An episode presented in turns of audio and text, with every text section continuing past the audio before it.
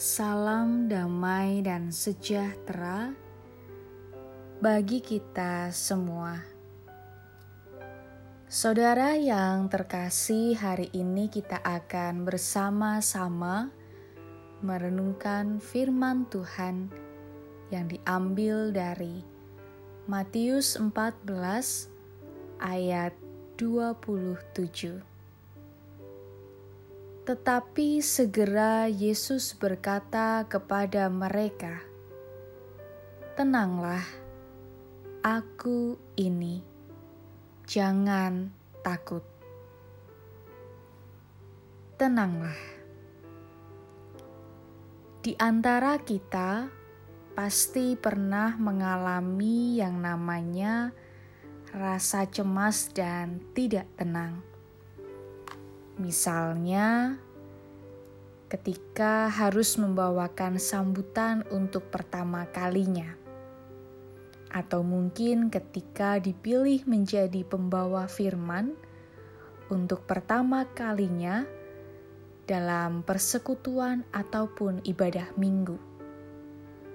Bisa jadi akan ada rasa cemas dan tidak tenang karena merupakan pengalaman pertama. Bisa juga ketika yang masih sekolah dan mencari pekerjaan, ketika akan menghadapi ujian atau wawancara kerja, bisa saja terjadi keringat dingin dan gemetar. Kalau sudah begitu, biasanya apa yang sudah dipelajari atau dipersiapkan hilang begitu saja maka yang dibutuhkan adalah ketenangan. Pada kenyataannya, ketika kita diambang ketakutan, kita tidak dapat melihat apa pun yang baik. Sewaktu diliputi kecemasan, kita sulit melihat jalan keluar karena diliputi dengan rasa panik dan takut saat dilanda kekhawatiran, tidak tahu apa yang dapat dilakukan. Hal ini terjadi juga pada para murid. Setelah semalam suntuk berjuang di perahu menghadapi terjangan ombak dan badai, mereka tidak melihat kehadiran Yesus. Kelelahan bercampur ketakutan membuat mereka tidak dapat berpikir positif. Yang muncul justru pikiran negatif ketika melihat Yesus berjalan di atas air.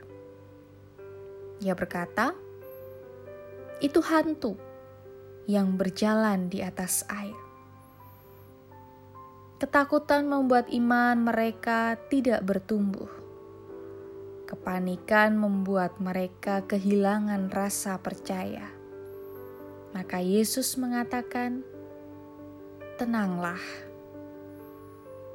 Pesan Yesus ini sepertinya menjadi pesan kita semua saat ini. Hari-hari yang kita lewati saat ini pun tidak mudah.